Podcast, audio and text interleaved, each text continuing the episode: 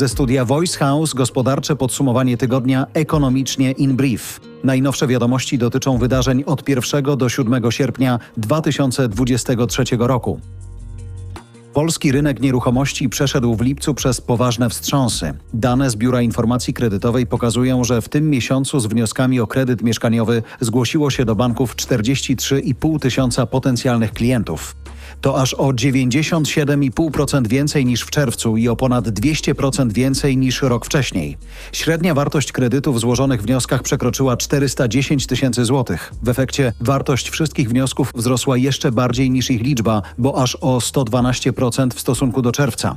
Jednocześnie dane Otodom Analytics wskazują, że sprzedaż mieszkań na rynku pierwotnym wzrosła w lipcu dwukrotnie w skali roku. Za tak gwałtownymi wzrostami stoi oczywiście uruchomiony na początku lipca rządowy program dopłat do kredytów, czyli tzw. Tak bezpieczny kredyt 2%.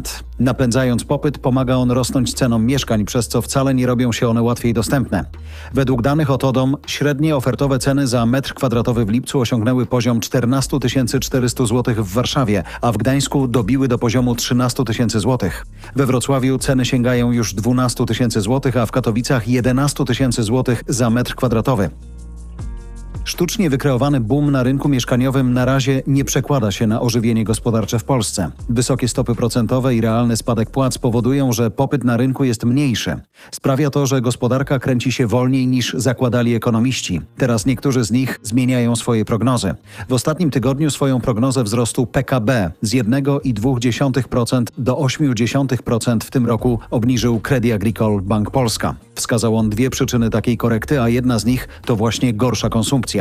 Drugą jest słabość koniunktury w strefie euro, co z kolei uderza w nasz eksport. Z kolei bank PKO BP obniżył właśnie swoją prognozę dla drugiego kwartału tego roku. Wcześniej zakładał spadek PKB w tym okresie o 1,1%, teraz już spodziewa się spadku o 0,5%. Fatalnie wygląda też wskaźnik PMI, obrazujący aktywność w polskim przemyśle.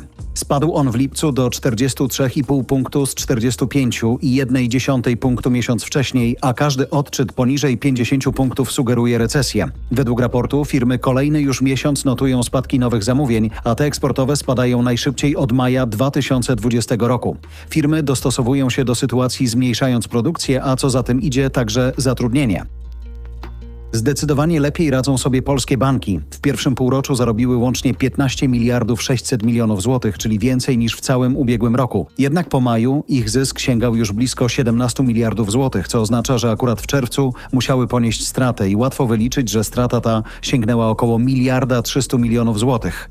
Najprawdopodobniej to efekt decyzji banków o zwiększeniu rezerw związanych z kredytami frankowymi. Banki podejmują takie decyzje zazwyczaj w miesiącach kończących poszczególne kwartały.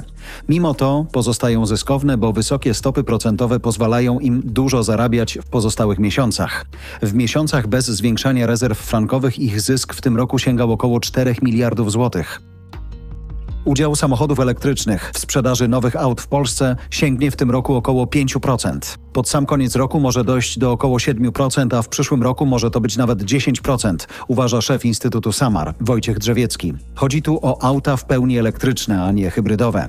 Jego zdaniem elektryki będą zyskiwać na popularności w miarę pojawiania się na rynku tańszych, bardziej dostępnych modeli. Według danych Stowarzyszenia Europejskich Producentów Pojazdów, które mierzy sprzedaż nowych aut na rynkach europejskich, w czerwcu tego roku pierwszy raz w historii w Unii Europejskiej sprzedano więcej nowych samochodów elektrycznych niż tych napędzanych silnikami diesla. Zdaniem Drzewieckiego Polska na taki moment poczeka jeszcze co najmniej kilka lat, a wcześniej będzie musiała poprawić się sieć publicznie dostępnych ładowarek do aut elektrycznych. Musi się też zmienić ogólne nastawienie i poziom zaufania do aut elektrycznych. Za granicą najważniejszym gospodarczym wydarzeniem ostatnich dni jest obniżka ratingu Stanów Zjednoczonych, którą ogłosiła agencja Fitch. Rynki przyjęły ją wprawdzie bardzo spokojnie, jednak ma ona spore znaczenie symboliczne, a do tego zaopatrzona jest w ciekawe uzasadnienie. Zdaniem Fitcha Stany Zjednoczone utraciły część swojej wiarygodności finansowej na rynkach światowych z powodu powtarzających się sporów politycznych. Chodzi o podnoszenie limitu długu publicznego na kolejne, coraz wyższe poziomy. Spory te ograniczają elastyczność amerykańskiego rządu w zarządzaniu polityką fiskalną. Przedstawiciel agencji powiedział też w rozmowie z Reutersem, że gdyby Stany pozbyły się w ogóle limitu długu ze swojego prawa, pomogłoby to w przywróceniu im najwyższego ratingu. Powiedział też m.in., że na decyzję agencji wpływ miał fakt, że w Stanach dwa lata temu doszło do ataku na parlament w wykonaniu zwolenników Donalda Trumpa. Był to przykład pogarszania się jakości rządzenia i instytucji państwa w USA. Oczywiście wśród przyczyn obniżki ratingu znalazły się też mniej kontrowersyjne kwestie, takie jak przekraczający 6% produktu krajowego brutto, deficyt budżetowy i rosnący poziom długu publicznego. Według Fitcha ma on sięgnąć w Stanach w 2025 roku poziomu 118% PKB. Ten tekst został przygotowany przez redakcję Voice House. Do nagrania użyliśmy sztucznej inteligencji wykorzystującej głos Jarosława Kuźniara.